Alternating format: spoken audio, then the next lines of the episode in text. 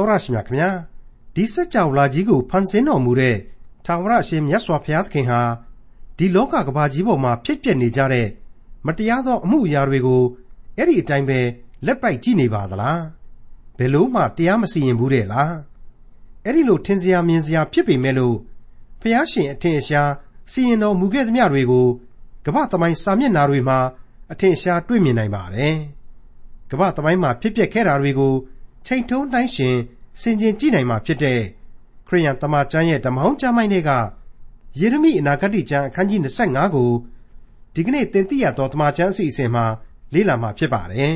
။လောကရန်တရားနဲ့မလွတ်ကင်းနိုင်တဲ့ဒီလူဘဝကို လူလူချင်းအားကိုးပြီးအဆုံးသတ်ကြမလား။လောကအရာတွေကိုဖက်တွယ်ရင်ဆိုင်ကြမလား။ကံကိုယုံပြီးတော့ပဲစူးပုံကိုနင်းကြမလားဆိုတာယေရမိအနာဂတ်ကျမ်းအခန်းကြီး25ကို ဒေါက်တာထွန်းမြတ်အေးကအခုလိုလေ့လာသုံးသပ်တင်ပြထားပါတယ်။သင်သိရသောသမာကျမ်းကိုအချိန်မှန်နားဆင်နေကြတဲ့မိတ်ဆွေတော်တတ်ရှင်အပေါင်းတို့ခမညာ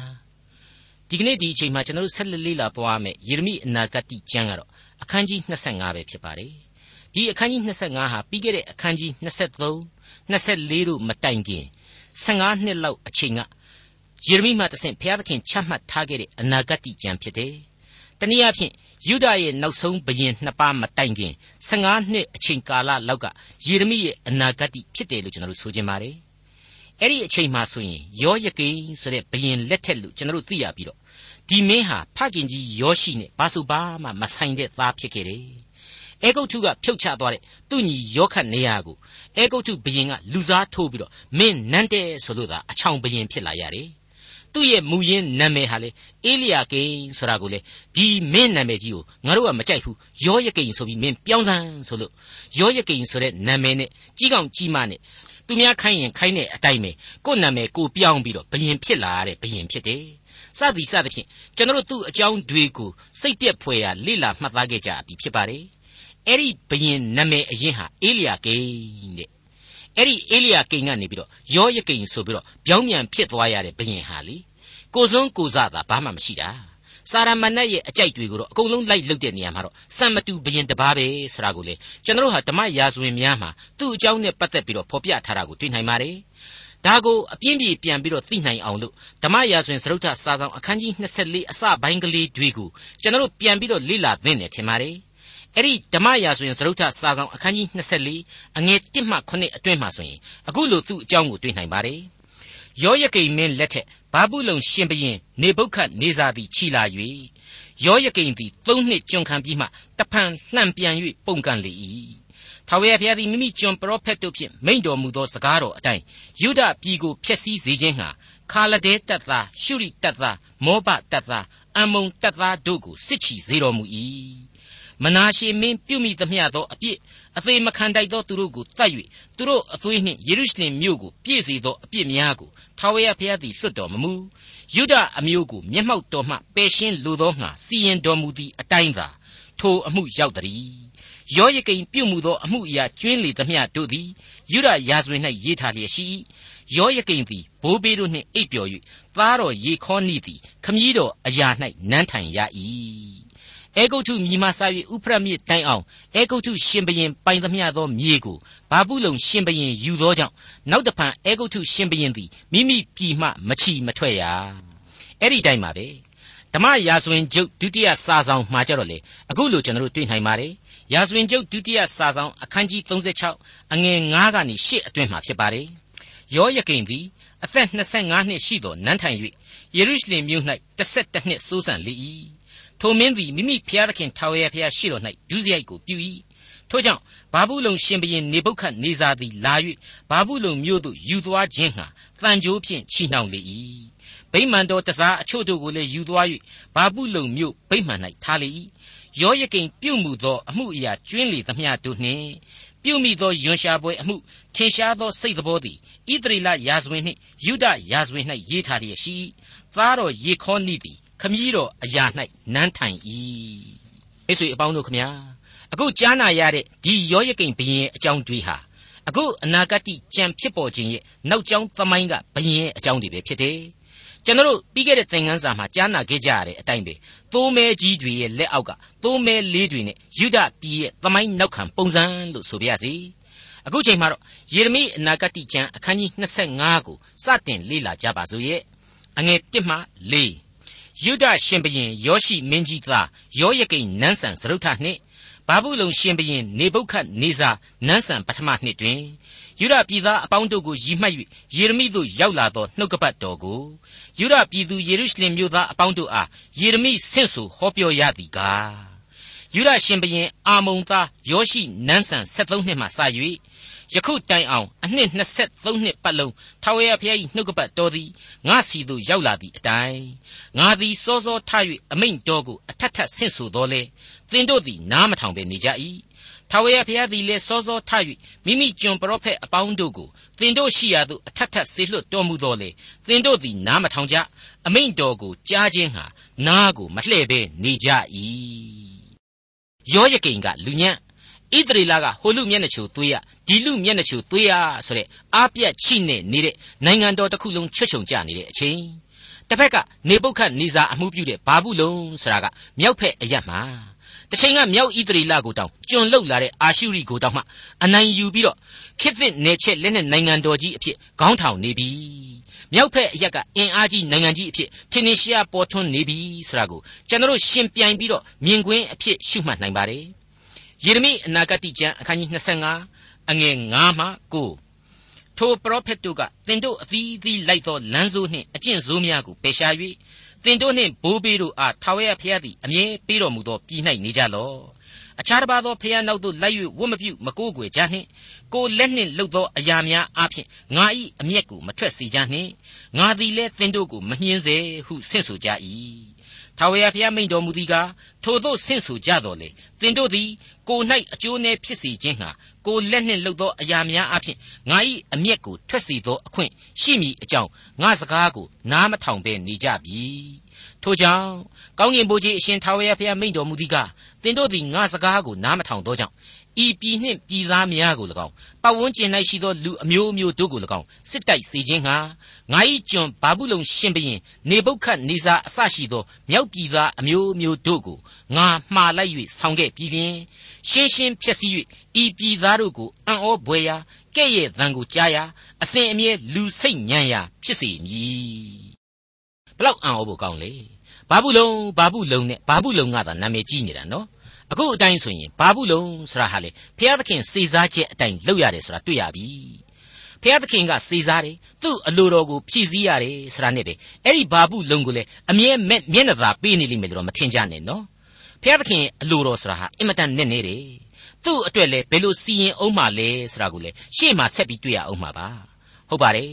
ငါဤကျွန်ဘာဘူးလုံရှင်ဘရင်နေပုခတ်နေစာအစရှိတဲ့မြောက်ဖက်အရက်သားတွေကိုငါခေါ်ပြီးတော့မင်းတို့ယူရနဲ့ယူရပတ်ဝန်းကျင်နိုင်ငံတွေကိုရှင်းရှင်းဖြစ်စီမယ်ပြည်သားတို့ကိုအံ့ဩဘွယ်ရာကဲ့ရဲ့သံကြားရာအစဉ်အမြဲစိတ်ညံရာဖြစ်စီမည်တဲ့လောလောလတ်လတ်ကတော့လူမျိုးတော်ဣသရေလခံရအောင်မဲ့အလှဲ့ပေါ့ဒါကိုအင်္ဂလိပ်ဝေါ်ဟာရအရာ perpetual desolation ဆိုပြီးတော့ဖော်ပြထားပါတယ် သွေးပြက်ခြောက်ချပြီးတော့ခြေပြက်လက်ပြက်ဖြစ်သွားပြီးတော့နလန်တောင်မထုနိုင်အောင်စွန့်ပစ်ခံရစေမယ်ဆိုတဲ့အဓိပ္ပာယ်ပါပဲအဲ့ဒါဟာလေတခဏမဟုတ်ဘူးလို့ဆိုပါတယ်အစဉ်တစိုက်ဆိုတဲ့အတိုင်းအဆမရှိခြင်းကိုဖော်ပြပါတယ်မိတ်ဆွေအပေါင်းတို့နို့နှင့်ပြားရည်စီးသောခေဆရာဟာအဲ့ဒီအချိန်ကာလကလေးကကုံသွားခဲ့ရတာအမှန်ပါပဲဒီကနေ့ဣသရေလဆရာဟာသိပ္ပံပညာရှင်တွေကတော်လွန်းလို့အားထုတ်နိုင်လွန်းလို့သာလျှင်တိုင်းပြည်ဖြစ်နေရတယ် အင်မတန်မြေညံ့နေရေရှားတဲ့ဆရာတွေကိုကျွန်တော်ဟာစာနယ်ဇင်းတွေအရာသိနာလေထားရပါတယ်ယေရမိအနာဂတိကျမ်းအခန်းကြီး25အငယ်30မှ14ကိုဆက်လက်နားဆင်ကြကြပါဤသူတို့တွင်ဝမ်းမြောက်သောအသံရှင်လန်းသောအသံမင်္ဂလာဆောင်သောသူတို့သား၏အသံသူတို့သမီး၏အသံကြိတ်ဆုံသံနှင့်မိကွက်အလင်းကိုငါကွယ်ပြောက်စေမည်ဤပြည်တစ်လျှောက်လုံးသည်လူစိတ်ညံရာအံ့ဩပွေရာဖြစ်လိမ့်မည် ဤလူမျိုးတို့သည်အနှစ်80ပတ်လုံးဘာပုလုံရှင်ဘရင်၏အမှုကိုဆောင်ရွက်ရကြလိမ့်မည်ထာဝရဘုရားမိန့်တော်မူသည်ကားအနှစ်80စေသောအခါဘာဘူးလုံရှင်ဘရင်နှင့်သူ၏နိုင်ငံကြီးဟုသောခါလဒဲတိုင်းနိုင်ငံ၏အပြစ်ကြောင့်ငါသည်သူတို့ကိုဒဏ်ပေး၍ထိုနိုင်ငံကိုအစဉ်အမြဲလူစိတ်ညံရာအရဖြစ်စေမည်ငါချိန်သောစကားများဒီဟုသောယေရမိသည်ခတ်သိမ်းသောတိုင်းနိုင်ငံတို့တစ်ဖက်၌ဟောပြော၍ ဤစာ၌ရေးထားသောစကားရှိသမျှတို့ကိုခါလဒဲတိုင်းနိုင်ငံအပေါ်မှာငါသက်ရောက်စေမည်များစွာသောလူမျိုးတို့နှင့်ကြီးသောရှင်ဘရင်တို့သည်ခါလဒဲပြည်သားတို့ကိုစေစားကြလိမ့်မည်သူတို့ကျင့်သောအကျင့်သူတို့ကိုယ်တိုင်ပြုသောအမှုနှင့်အလျောက်အကျိုးအပြစ်ကိုငါဆက်ပေးမည်ရင်နာစရာပါပဲနော်တိုင်းပြည်ဟာပျော်ရွှင်မှုများအားလုံးစိတ်သုံးသွားတယ်ရုပ်စွာအဆုံးမင်္ဂလာဆောင်ကိစ္စဆိုတာတောင်မှပျော်စရာမဟုတ်တော့ဘူး စီးပွားရေးရန်တရားတွေအကုန်လုံးရပ်ဆိုင်းသွားတယ်အလင်းရောင်ကိုလည်းဘယ်နည်းနဲ့မှမဖြန့်ဝေနိုင်တော့ဘူးမပေးစွမ်းနိုင်တော့ဘူးနှစ်ပေါင်း80လုံးလုံးအဲ့ဒီဘာဘူးလုံအရေးမှကျွန်ခံပြီးသွားရတော့မယ်တဲ့ယူရနဲ့ဣသရေလကိုကျိန်းတာကျိန်းနဲ့မောင်းတဲ့အတိုင်းဗျာဒိတ်ပြုတ်ခဲ့တဲ့အတိုင်းအကုန်ဖြစ်ခဲ့တယ်ပြောခဲ့တဲ့အတိုင်းယေရမိရဲ့ဗျာဒိတ်တီဟာအမှန်တကယ်မဖြစ်ခင်နှစ်ပေါင်း20ကျော်ခန့်ကပြုတ်ခဲ့တဲ့ဗျာဒိတ်တီပဲနောက်နှစ်ပေါင်း20ကျမှဖြစ်မဲ့အရာတွေကိုကြိုပြီးဖော်ပြထားတဲ့အနာဂတ်တွေကြီးပါပဲ လွဲခဲ့ပါသလားတခုမှမလွဲပါဘူးသွေးထွက်အောင်မှန်ကန်ခဲ့ပါတယ်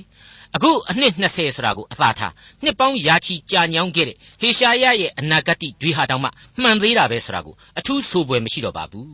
ဟုတ်ပါတယ်ပြောတော့သာဟေရှာယတို့ယေရမိတို့ရဲ့ပါဇက်ကထွက်တာတကယ်တကယ်တော့ဖျားသခင်ရဲ့ဝိညာဉ်တော်သွန်သင်သည့်အတိုင်းသူတို့ဗျာဒိတ်ပြုခဲ့ကြခြင်းသာဖြစ်ပါတယ်မိတ်ဆွေအပေါင်းတို့ဣသရေလနဲ့ယူဒကိုကြီးဖျားသခင်ဟာဗျာဒိတ်ပြုနေတာမဟုတ်ပါဘူးနော် ဣသရေလနဲ့ယူဒကိုကျွန်ပြုသွားတဲ့ခါလဒဲသို့မဟုတ်ဘာဘူးလုံနိုင်ငံကိုလည်းအခုလိုဘုရားသခင်ဖော်ပြလိုက်ပါတယ်ငါချင်းသောစကားများဒီဟုသောယေရမိသည်ခတ်သိမ်းသောတိုင်းနိုင်ငံတို့တိုင်းနိုင်ငံတို့တစ်ဖက်၌ဟောပြော၍ဤစာ၌ရေးထားသောစကားရှိသမျှတို့ကိုခါလဒဲတိုင်းနိုင်ငံအပေါ်မှာငါတက်ရောက်စေမည်များစွာသောလူမျိုးတို့နှင့်ကြီးသောရှင်ဘရင်တို့သည်ခါလဒဲပြည်သားတို့ကိုစေစားကြလိမ့်မည် သူတို့ကျင့်သောအကျင့်သူတို့ကိုယ်တိုင်ပြုသောအမှုနှင့်အလျောက်အကျိုးအပြစ်ကိုငါဆက်ပေးမည်ကြည်စမ်းဘုရားသခင်ရဲ့အမှုတော်ဆရာဟာတစ်ချက်ခုတ်လိုက်တဲ့နဲ့ဆယ်ချက်မပြတ်ဘူးလားယေရမိအနာဂတိကျမ်းအခန်းကြီး25အငယ်15မှ18ကိုဆက်လက်လေ့လာကြပါစို့ဣသရေလအမျိုးကြီးဘုရားသခင်ထာဝရဘုရားကလေအမျက်တော်စပြည့်ရီဖလားကိုငါလက်မှခံယူလော့ငါသည်သင်ကိုဆေလွတ်သောလူအပေါင်းတို့ကိုလူမျိုးအပေါင်းတို့ကိုတောက်စီလော့ သူတို့အလေတို့ငါဆေလွတ်သောဓာကြောင့်သူတို့သည်တောက်၍ရစ်မှုတင်းရင်ချင်းသို့ရောက်ကြလိမ့်မည်ဟုငါအားမိန့်တော်မူသည့်အတိုင်းငါသည်ထာဝရဘုရား၏လက်တော်မှထိုဖလားကိုခံယူ၍ထာဝရဘုရားသည်ငါကိုဆေလွတ်တော်မူသောလူမျိုးအပေါင်းတို့ကိုတောက်စေ၏လူမျိုးတော်ပရောဖက်တပါးကနေတဆင့်ထုတ်ပြန်ကြေညာဓာတွေဟာလူမျိုးတော်ကိုတိုက်ရိုက်ဥတီတာမှန်တယ်ဒါပေမဲ့ကမ္ဘာလောကကြီးသိစေရမည်ဆိုတဲ့အချက်ကိုလက်မလွတ်ဖို့ရန်ကျွန်တော်ပြောခဲ့ပါတယ် အခုဆိုရင်ဒီအချက်ဟာအကျွင့်မဲ့မှန်ကန်ကြောင်းအတိတ်ပဲပေါ်လွင်နေပါပြီအခုယေရမိအနာဂတိကျမ်းအခန်းကြီး25အငယ်18ကနေပြီးတော့အငယ်26အထိဆက်ပြီးတော့ကြည့်စီခြင်းပါတယ်ထိုလူမျိုးများဟူမူကားယနေ့ရှိသည့်အတိုင်းလူစိတ်ညံရာအံ့ဩပွေရာကဲ့ရဲ့သံကြားရာကျိန်ဆဲရာဖြစ်စီခြင်းဟာတောက်ရသောယေရုရှလင်မြို့သူယူဒပြည်သားယူဒရှင်ဘရင်များ မူးမတ်များအေဂုတ်ထုပြည်ကိုအစိုးရသောဖာရောဘုရင်အစရှိသောသူ၏ကျွန်မူးမတ်ပြည်သူပြည်သားသူတို့နှင့်ရောနှောသောတပါးအမျိုးသားရှိသမျှဥဇမင်းအပေါင်းဖိလိတိမင်းအပေါင်းအာရှကေလုံပြည်သားဂါဇပြည်သားအေဂျုံပြည်သားကြံကျွင်းသောအာစုပြည်သားအေဒုံပြည်သားမောဘပြည်သားအမုံပြည်သားတုရုမင်းအပေါင်းဇိဒုံမင်းအပေါင်းပင်လေတစ်ဖက်၌အစိုးရသောမင်းများဒေဒံပြည်သားတေမပြည်သားဘုဇပြည်သား ပမုံးကိုရိတ်တက်သောပြည်သားရှိသမျှအာရဗ်မင်းအပေါင်းတော၌နေ၍အမျိုးမစစ်သောလူများကိုအစိုးရသောမင်းအပေါင်းဇိမရိမင်းအပေါင်းအေလံမင်းအပေါင်းမေဒိမင်းအပေါင်းတပားနှင့်တပားနီးသည်ဖြစ်စေဝေးသည်ဖြစ်စေမြောက်ပြည်မင်းရှိသမျှတို့နှင့်မြေကြီးတစ်ပြင်လုံး၌ရှိသမျှသောလောကီနိုင်ငံအပေါင်းပါကြသည်နောက်ဆုံး၌ရှေရှက်ရှင်ဘရင်တောက်ရမည်မိတ်ဆွေအပေါင်းတို့ခမညာ အခုဖော်ပြထားတဲ့အထက်ကနိုင်ငံတွေဟာများလွန်အားကြီးလို့ကျွန်တော်တို့ဖြင့်ရည်တောင်မရည်နိုင်တော့ဘူးရှေရှက်ဆရာဟာယေရမိကျမ်းအခန်းကြီး51အရာဘာပုလုံမြို့တော်ကြီးကိုပဲရည်ညွှန်းတယ်လို့ကျွန်တော်တို့နားလည်ရပါတယ်ဒါဆိုရင်ဘုရားသခင်ရဲ့အခွင့်အာဏာနဲ့ခေါင်းထောင်နေတဲ့ဘာပုလုံဘယ်နဲ့ရှိစားသူကိုယ်တိုင်ဟာတကြော့ပြန်ပြီးခံရပြီဆိုတာတွေ့လာရတယ်ဖတ်ခဲ့တဲ့ကြမ်းတဲ့မှာပါတဲ့အတိုင်းပဲများစွာသောလူမျိုးတို့နှင့်ကြီးသောရှင်ဘရင်တို့သည်ခါလဒဲပြည်သားတို့ကိုစေစားကြလိမ့်မည် သူတို့ကျင့်သောအကျင့်သူတို့ကိုယ်တိုင်ပြုသောအမှုနှင့်အလျောက်အကျိုးအပြစ်ကိုငါဆက်ပေးမည်တဲ့မိတ်ဆွေအပေါင်းတို့အခုကြားနာရတဲ့အတိုင်းဆိုရင်မြောက်များစွာသောတိုင်းပြည်တွေပဲအဲ့ဒီအထက်မှာနာမည်မပါတဲ့ရှုရိဒေသဓမ္မသက်မြို့ကိုတော့အခန်းကြီး49ကျမ်းမှာထပ်ပြီးတွေ့ရမှာဖြစ်ပါတယ်တနည်းအားဖြင့်ဣသရေလလူမျိုးသားမကပါဘူးအပြစ်ဒုစရိုက်ဖုံးလွှမ်းရရှိသောအဲ့ဒီခေတ်လူသားအဖွဲ့အစည်းတရက်ကိုရည်ညွှန်းထားတဲ့ဆိုတာကိုလောကီနိုင်ငံအပေါင်းဆိုတဲ့အချက်အရသိတာရှင်းလင်းနေပါတယ် ယေရမိအနာဂတ်ကျမ်းအခန်းကြီး25အငယ်28မှ29သင်တို့အလေတို့ငါဆေးလွတ်သောဓာကြောင့်တောက်၍ရစ်မှုကြအော့အန်ကြလဲကြနောက်တဖန်မထကြနှင့်ဟုဣသရေလအမျိုး၏ဖျားသခင်ကောင်းကင်ဘုရားအရှင်ထာဝရဘုရားမိန့်တော်မူကြောင်းကိုသူတို့အားဆင့်ဆိုလော့သူတို့သည်တောက်ချင်းငါထိုဖလားကိုသင်၏လက်မှမခံညင်းပယ်လျင်းလေစင်စစ်တောက်ရကြမည်ဟုကောင်းကင်ဘုရားအရှင်ထာဝရဘုရားမိန့်တော်မူကြောင်းကိုသူတို့အားပြန်ပြောလော့ အကြောင်းမူကားငါ၏နာမဖြင့်သမုတ်သောမြို့ကိုငါသည်အပြစ်ပေးစပြုလျင်သင်တို့သည်ဒဏ်အရှင်းမခံဘဲနေရကြမည်လောဒဏ်မခံဘဲမနေရကြငါသည်မြေကြီးသားရှိသမျှတို့အဖို့ဓားကိုမှားလိုက်မည်ဟုကောင်းကင်ဘုရားအရှင်ထာဝရဘုရားမိန့်တော်မူ၏ညင်းရင်လည်းမရဘူးစင်စစ်တောက်ရကြမည်တဲ့အဲ့ဒါဟာဘုရားသခင်ရဲ့စီရင်တော်မူခြင်းဆိုတာဟာပြေးလို့ဘယ်သူမှမလွတ်ဘူးဆိုတာကိုဖော်ပြပါတယ် ငါနာမဖြင့်သမုတ်သောမြို့ကိုပင်ငါအပြစ်ပေးသေးတယ်ဆိုရင်ဘသူတွေလွတ်အောင်မှာလဲဆိုပြီးတော့မေကွန်းကိုပါထဲ့သွင်းဖော်ပြပေးလိုက်ပါတယ်မိတ်ဆွေအပေါင်းတို့အခုဖော်ပြနေတဲ့အပြစ်တရားရဲ့အဖို့အခကိုလူသားတို့ခံစားဖို့စီရင်ခြင်းဆိုတဲ့အချက်တွေးဟာတကယ်တော့သမိုင်းကာလအစဉ်အဆက်စီရင်ခြင်းတွေပဲဖြစ်တယ်ကမ္ဘာသမိုင်းစာမျက်နှာတွေမှာပြတ်သားရှင်းလင်းစွာတွေ့ကြရပြီးတဲ့စီရင်ခြင်းတွေပဲဆိုတာဟာလေဘယ်သူမှညင်းနိုင်မှာမဟုတ်ဘူး ခရစ်တော်ရဲ့ဒုတိယအကြိမ်ကြွလာခြင်းနဲ့နောက်ဆုံးသောကပ်ကာလမှာတော့အဆုံးသတ်စီရင်ခြင်းနဲ့အကြီးအကျယ်ဆုံးစီရင်ခြင်းကိုရင်ဆိုင်ကြရလိမ့်မယ်ဆိုတာဒီကိုကျွန်တော်နားလည်ထားဖို့လိုပါတယ်အခုအပိုင်းတွေမှာယာကုပ်အမျိုးသို့မဟုတ်ဣသရေလအမျိုးအနွယ်ကနေတဆင့်အဲ့ဒီကာလဣသရေလပတ်ဝန်းကျင်နိုင်ငံတွေသာမကပဲနဲ့မြေကြီးအရရက်ကလူမျိုးတွေကိုဘုရားသခင်ကြိမ်ပေါင်းပြစ်တင်နေတယ်ဆိုတာတွေဟာတကယ်တော့ယေရမိကတဆင့်လောကတခွင်လုံးကိုသတိပေးနေတာပဲဖြစ်ပါတယ် မတရားဘူးတရားတယ်ဆိုတာကိုကျွန်တော်ဇောရကတက်လို့ရနိုင်ယူလားအမှန်တကယ်တွေးကြည့်လိုက်မယ်ဆိုရင်တော့မြေကြီးနဲ့မြေကြီးတစားအပေါင်းတို့ကိုပိုင်နေဖျားလောကရနဲ့လောကီသားအပေါင်းတို့ကိုအားလုံးကိုဖန်ဆင်းပိုင်ကအုပ်စိုးတော်မူတဲ့ဖျားဟာသူ့ကိုပြတ်ဝတ်ကိုးကွယ်ခြင်းမရှိဘူးတနည်းအားဖြင့်သူ့စိတ်တော်နဲ့မတွေ့ဘူးဆိုတာနဲ့အဲ့ဒီသူပိုင်ဆိုင်ရာလူသားကဘာကိုအပြစ်ပေးပိုင်တော်မူတယ် စာရမဏတ်ဘက်ကိုယိမ့်ပြီးတော့အယူတိမ့်တတ်တဲ့လောကီသားအားလုံးဒီအချက်ကိုအလေးကယူပြုစီခြင်းတယ်ဆိုတာကိုယေရမိမှတဆင့်ဖော်ပြသတိပေးနေတာပဲဖြစ်ပါတယ်ဒါနဲ့ပတ်သက်လို့ဟေရှာယအနာဂတိကျမ်းအခန်းကြီး45အငယ်၈ကနေ30အတွင်းဖော်ပြချက်ဟာအထူးသတိရစရာကောင်းလှတယ်လို့ကျွန်တော်ဆိုချင်ပါတယ်ဟေရှာယအနာဂတိကျမ်းအခန်းကြီး45အငယ်၈မှ30ကိုပြန်ပြီးလေ့လာကြည့်ကြပါမိုးကောင်းကင်တို့အထက်မှယူကြလော့မိုးတိမ်တို့သည်တရားမိုးရွာကြစေ မြေကြီးသည်ပွင့်၍ကဲတင်ခြင်းအသီးကိုသီးစေဖြောင့်မတ်ခြင်းတရားသည်တပြိုင်နက်ပေါက်စေထို့သောငါထာဝရဘုရားဖန်ဆင်း၏အကျဉ်သူသည်မိမိကိုဖန်ဆင်းသောသူနှင့်ဆန့်ကျင်ဘဲပြု၏ထိုသူသည်အမင်္ဂလာရှိ၏မြေအိုးချမ်းတို့တွင်အိုးချမ်းပါတကားအိုးမြေကသင်သည်အဘယ်သို့သောအရာကိုလှုပ်သနည်းဟုအိုးရင်းသမားကိုဆိုရမည်လောငါကိုလှုပ်သောသူ၌လက်မရှိဟုသင်လှုပ်သောအရာကဆိုရမည်လော မိမိအဖအားသင်သည်အဘယ်သို့သောအရာကိုဖြစ်ဖွားစေသနည်းဟု၍၎င်းမိမိအမိအားသင်သည်အဘယ်သို့သောအရာကိုမွေးဖွားသနည်းဟု၍၎င်းဆိုသောသူသည်အမင်္ဂလာရှိ၏မိတ်ဆွေအပေါင်းတို့ဖျားသခင်ကိုပြန်လှန်ပြီးတော့အတွန့်မတက်နဲ့ဇောရကမတက်နဲ့မတော်လှန်နဲ့မပုန်ကန်နဲ့ဆိုပြီးတော့ဖော်ပြထားတာပါမိတ်ဆွေအပေါင်းတို့ခမညာဝိညာဉ်မှုတ်သွင်းဖန်ဆင်းခြင်းခံရတဲ့လူတ attva ဖြစ်သူကျွန်တော်တို့အပေါ်မှာချုပ်ကင်နိုင်စွမ်းရှိတဲ့ဘုရားသခင်ဟာ အခြားသောတတ္တလောကကိုတောင်မှအမျိုးမျိုးစီရင်ပိုင်တော်မူတယ်ဆိုတဲ့အကြောင်းတွေကိုဆာလံဆရာရဲ့တရား၄ခုမြောက်သောဆာလံမှာဆိုဖွဲ့ထားတဲ့အချက်တစ်ခုကိုလေမိษွေတို့အနေနဲ့အမှတ်ရစေခြင်းပါတယ်အဲ့ဒီတရား၄ခုမြောက်သောဆာလံရဲ့အငယ်30မှ19အတွင်းမှာအခုလိုဖော်ပြထားပါတယ်ထာဝရဘုရားသည်ကြိုက်များတဲ့သို့စမ်းရည်ကိုလွှတ်တော်မူ၍ရေသည်တောင်တို့တွင်စီလျက်မြေတရိษံအပေါင်းတို့အားတောက်ရသောအခွင့်ကိုပေး၏မြဲရိုင်းတို့သည်အငတ်ပြေရကြ၏ ထိုရေအနားမှမိုးကောင်းကင်ငှက်တို့သည်နေရာကျ၍တစ်ပင်အခက်အလက်တို့တွင်ကြွေးကြော်ကြ၏အထက်ခန်းတော်တဲကတောင်များကိုရေပေးတော်မူ၏စီရင်ပြုတ်ပြင်တော်မူခြင်းအကျိုးကြောင့်မြေကြီးသည်ရောင်ရဲလျက်ရှိ၏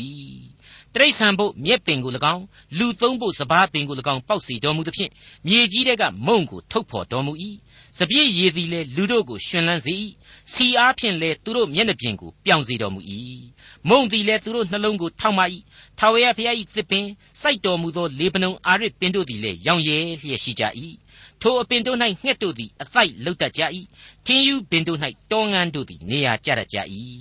မြင်သောတောင်တို့သည်တောဆိတ်များမိခိုရာကြောက်တို့သည်ရှားဖန်ယုံများမိခိုရာဖြစ်ကြ၏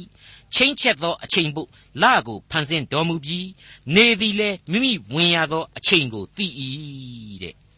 အခုဆာလံတီချင်းတဲ့မှာတွေ့ရတယ်စပြည့်ရည်အားဖြင့်လေလူတို့ကိုရှင်လန်းစေတယ်လို့ဘုရားသခင်ဖော်ပြထားတာကိုတွေ့ရပါတယ်နော်အခုယေရမိမှာကျတော့အဲ့ဒီရှင်လန်းစေသောစပြည့်ရည်ဟာဘယ်လိုဖြစ်သွားပြီလဲအမျက်တော်ခွက်ဖလားအတွင်းကစပြည့်ရည်ဖြစ်သွားပြီတဲ့ဒါကိုကျွန်တော်တို့ယဉ်နှင်းပွဲအပြောင်းအလဲအဖြစ်တွေ့ရပါတယ်ဟုတ်ပါတယ်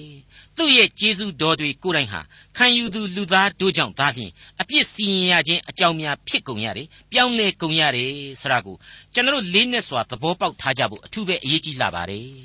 ယေရမိအနာဂတိကျမ်းအခန်းကြီး25အငယ်30နဲ့31ထို့ကြောင့်သင်သည်ပရောဖက်ပြုလျက်သူတို့အားဟောပြောရသောစကားများဟုမူကားထာဝရဘုရားသည်မြင်သောအရက်ကကြွေးကြော်တော်မူ၏တန်ရှင်းသောဘုံဗိမ္မာန်တော်ကအသံကိုလွှင့်တော်မူ၏ ကျင်းဝတ်တော်မူရာအရဌာနတစ်ဖက်၌ပြင်းစွာကြွေးကြော်တော်မူမည်စပြစ်သီးကိုနင်းနယ်သောသူများအော်ဟစ်တကယ်သို့မြေကြီးသားများတစ်ဖက်၌အော်ဟစ်တော်မူမည်မြေကြီးစွန်းတိုင်အောင်အသံနှံပြလိမ့်မည်ထာဝရဘုရားသည်လူအမျိုးမျိုးတို့နှင့်တရားတွေ့เสียအကြောင်းရှိ၍ခသိန်းသောတတ္တဝါတို့ကိုအမှုလုပ်တော်မူမည်သို့သောသူတို့ကိုဓာနှင့်ကွက်မြက်စေခြင်းဟာအပ်တော်မူမည်ဟုထာဝရဘုရားမိန့်တော်မူ၏ရှင်းနေတာပါပဲ စပြစ်သီးကိုနင်းနေသောသူများဆိုတဲ့ဣသရေလကိုညှဉ်းပန်းနှိပ်စက်တဲ့သူတွေရဲ့အသံတွေအကုန်လုံးဟာမြေကြီးသားဆိုတဲ့လူတ attva အားလုံးအတွက်လေနားဆွင့်ထောင်ရမယ်အသံတွေပဲဖြစ်တယ်ဆိုတာကိုဖော်ပြပေးလိုက်ပါတယ်ပြီးတဲ့နောက်မှာတော့ဘုရားသခင်တရားတွေ့မှဟာလူအမျိုးမျိုးနဲ့ဖြစ်တယ်တဲ့ခသိန်းသောတ attva တို့ကိုလေအမှုလုပ်စီတော်မူမယ်တဲ့ပြီးတော့မှတခါသိုးသောသူတို့ကိုလည်းဓာတ်နဲ့ကွက်မြက်စေဖို့အပ်တော်မူမယ်တဲ့ ဓာတ်နဲ့ကွက်မြက်မယ်ဆိုတာဟာငှက်ကြီးတောင်ဓာတ်တို့ဂျပန်ခေတ်ကဂျပန်ဓာကြီးတို့အခုကျွန်တော်တို့ရုပ်ရှင်တွေထဲမှာတွေ့နေရတဲ့နဂနိုင်ဓာတို့ဓမြောင်တို့များကျွန်တော်တို့ရောင်းလို့သွားပြီးမတွက်ပါနဲ့နော်နှုတ်ကပတ်တော်ဒီဟုသောဓာပါပဲဟုတ်ပါတယ်အေဖက်ဩဝါဒစာအခန်းကြီး6အငယ်73ကနေစပြီးတော့ကြည့်မယ်ဆိုရင်အခုလိုတွေ့နိုင်ပါတယ်ထို့ကြောင့်ခဲရင်ဆိုးရုပ်သောနေ့ရက်ကာလ၌စိတနိုင်သဖြင့်ကိစ္စအလုံးစုံတို့ကိုပြီးစီး၍ခံရနိုင်မည်အကြောင်း ဘုရားသခင်ပြင်ဆင်တော်မူသောလက်နှင့်စုံကိုယူဆောင်ကြလော့သစ္စာဒီဟုသောခပန်းကိုစီးလျက်ဖြောင့်မတ်ခြင်းပါရမီဒီဟုသောရင်အုပ်တစားကိုဝတ်ဆင်လျက်ငြိမ်သက်ခြင်းနှင့်ရှင်သောဧဝံဂေလိတရားကိုဟောပြောအံ့သောငါပြင်ဆင်သောအဖြစ်ဒီဟုသောခြေစွပ်ကိုစွတ်လျက်ခံရကြလော့မာနပြစ်ခတ်သောမိဇက်လက်နှင့်ကိုမိဇက်လက်နှင့်ကိုကာသတ်နိုင်သောယုံကြည်ခြင်းဒီဟုသောလွှားကိုလည်းခတ်သိမ်းသောလက်နှင့်တို့အပေါ်မှာထပ်ဆင့်၍ယူဆောင်ကြလော့ ကဲတင်ခြင်းဒီဟုသောတန်ခမောက်လုံးကို၎င်းဖျားသခင်၏နှုတ်ကပတ်ဒီဟုသောဝိညာဉ်တော်၏ဓာကို၎င်းယူကြလော့ကာလအစဉ်စိတ်နှလုံးပါဖြင့်ဆုတောင်းပတနာပြုခြင်းအမျိုးမျိုးတို့ဖြင့်ဆုတောင်းကြလော့ထို့သောဆုတောင်းခြင်းဟာအာမလျော့ဘဲလျက်ငါမဆ၍တန်ရှင်းသူအပေါင်းတို့အဖို့ဆုတောင်းလျက်စောင့်ရှောက်ကြလော့တဲ့ရှင်းနေပါတယ်နော်ဝိညာဉ်တော်ဤဓာကို၎င်းယူကြလော့တဲ့ဖျားသခင်ဤနှုတ်ကပတ်တော်ဒီဟုသောဝိညာဉ်တော်ဤဓာဆိုပြီးတော့ဖော်ပြထားပါတယ် ဟုတ်ပါတယ်အခုယေရမိအနာဂတ်ကျမ်းမှာဖော်ပြတဲ့ဓာဖြင့်စီရင်မည်ဆရာဟာနှုတ်ကပတ်တော်အတိုင်းစီရင်မည်ဆိုတဲ့အတိတ်ပဲရှိတဲ့အကြောင်းတင်ပြပါရစေယေရမိအနာဂတ်ကျမ်းအခန်းကြီး25အငယ်32နှင့်33ကောင်းကင်ဘုရားအရှင်ထာဝရဘုရားမိန့်တော်မူသည်ကား ဘေးသည်တပြီမှတပြီသို့ကူးသွားလိမ့်မည်မြေကြီးအစွန်းအနာတို့မှပြင်းစွာသောလေပွေသည်ထလိမ့်မည်ထိုအခါထာဝရဘုရားကွက်မြက်တော်မူခြင်းကိုခံရသောသူတို့သည်မြေကြီးတစ်ဖက်မှတစ်ဖက်တိုင်အောင်နှံပြကြလိမ့်မည်သူတို့ကိုမမီတန်းရမစုမပုံရမသိင်းကြူရမြေပေါ်မှမစင်ကဲ့သို့ဖြစ်ကြလိမ့်မည်အခုယေရမိရဲ့ဗျာဒိတ်တော်တွေဟာကပ်ကာလတရားစီရင်ခြင်းပုံရိပ်ကိုဖော်ပြနေတယ်လို့ဆိုချင်ပါတယ်ဘေးသည်တပြီမှတပြီသို့ကူးမည်တဲ့ အဲ့ဒီအချိန်မှာပဲမီးလောင်ရာလေပင့်ဆိုသလိုတလောကလုံးကူးဆက်သွားစီဖို့ပရိပက္ခလေပွေတွေထစီမယ်တဲ့ပထမဆုံးပထမကဘာစစ်ဒုတိယကဘာစစ်တို့နဲ့နှိုင်းရှင်ရင်တောင်းမှမလွဲသောတရားပဲလို့ကျွန်တော်ဒီနေရာမှာပြတ်သားစွာခံယူမိပါတယ်ဩစတြီးယားကဖာနန်ဒဲဆိုတဲ့အိမ်ရှိမင်းသားကို6လုံးပြည့်နဲ့ပြစ်တတ်တဲ့ကိစ္စဟာမြန်မာပြည်ကလူငယ်တွေကိုပါအာရှမိုင်းနာအထိရောက်အောင်မီးလောင်ရာလေပင့်ပြီးတော့ပထမကဘာစစ်ကြီးကိုစတင်ဖြစ်ပွားစေခဲ့တယ် ပိုလန်ဆိုတဲ့တိုင်းပြည်ကလေးကိုနာဇီတွေဝင်လူလိုက်တာနဲ့စတင်ဖြစ်ပွားခဲ့တဲ့ဒုတိယကဘာစစ်ကြီးဟာ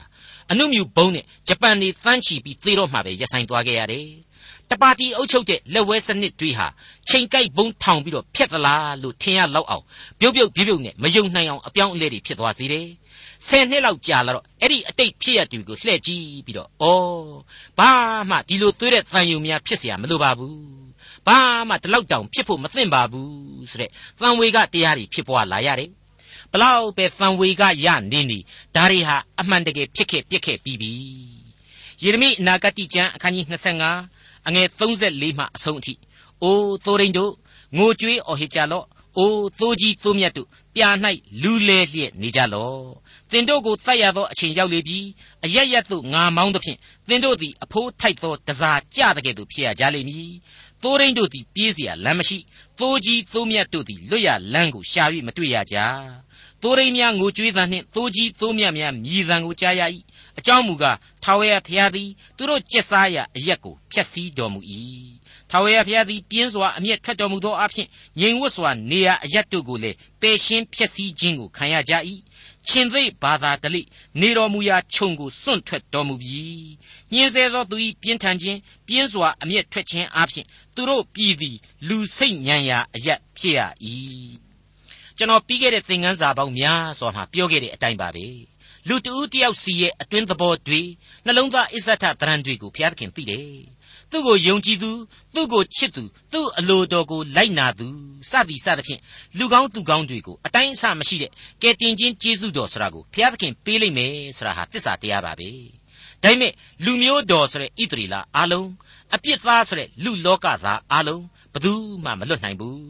ဒါကြောင့်မလို့အခုအပိုင်းမှာယင်နှင့်ပွဲဆူဖွဲ့လိုက်ပါတယ်သိုးဒိန်တို့ငိုကြွေးအော်ဟစ်ကြသိုးကြီးသိုးမြတ်တို့အသွေးခံရန်ပြင်ဆင်ကြ အဖိုးထိုက်တန်သောတစားများပင်ဖြစ်စေကမူရိုးပြမြေခကြွေရကြလိမ့်မယ်ဟုတ်ပါတယ်လောကရန်တရားနဲ့မလွတ်ကင်းနိုင်တဲ့လူဘဝမှာကိုယ့်ရဲ့လက်တွေ့ဘဝကိုလူအချင်းချင်းပဲအားကိုးပြီးတော့အဆုံးသတ်ကြမလားလောကအရာတွေနဲ့ပဲဖက်တွေရင်ဆိုင်ကြမလားကံကိုယုံပြီးတော့ပဲစူးပုံကိုနင်းကြမလားအဲ့ဒီအတိုင်းပါပဲကတ်ကာလတရားစီရင်ခြင်းဆိုတဲ့လူသမိုင်းရဲ့နောက်ဆုံးအချိန်ကာလကိုရောကိုနဲ့ကိုဝိညာဉ်ဟာဘယ်လိုရင်ဆိုင်ကြဖို့ပြင်ဆင်ထားကြမှာလဲ အ내ကတရားဖြစ်တဲ့ယုံကြည်ခြင်းနဲ့လားအနတ္တတရားဖြစ်တဲ့မယုံကြည်မကိုးကွယ်ခြင်းနဲ့လားဒေါက်တာထွန်းမြတ်အေးစီစဉ်တင်ဆက်တဲ့တင်ပြရတော်တမချန်းအစီအစဉ်ဖြစ်ပါတယ်နောက်တစ်ချိန်အစီအစဉ်မှာခရိယန်တမချန်းရဲ့ဓမ္မောင်းကျမ်းပိုင်းတွေကယေရမိအနာဂတ်ကျမ်းအခန်းကြီး26အခန်းကြီး29နဲ့အခန်းကြီး28တို့ကိုလေ့လာမှာဖြစ်တဲ့အတွက်စောင့်မျှော်နားဆင်နိုင်ပါတယ်။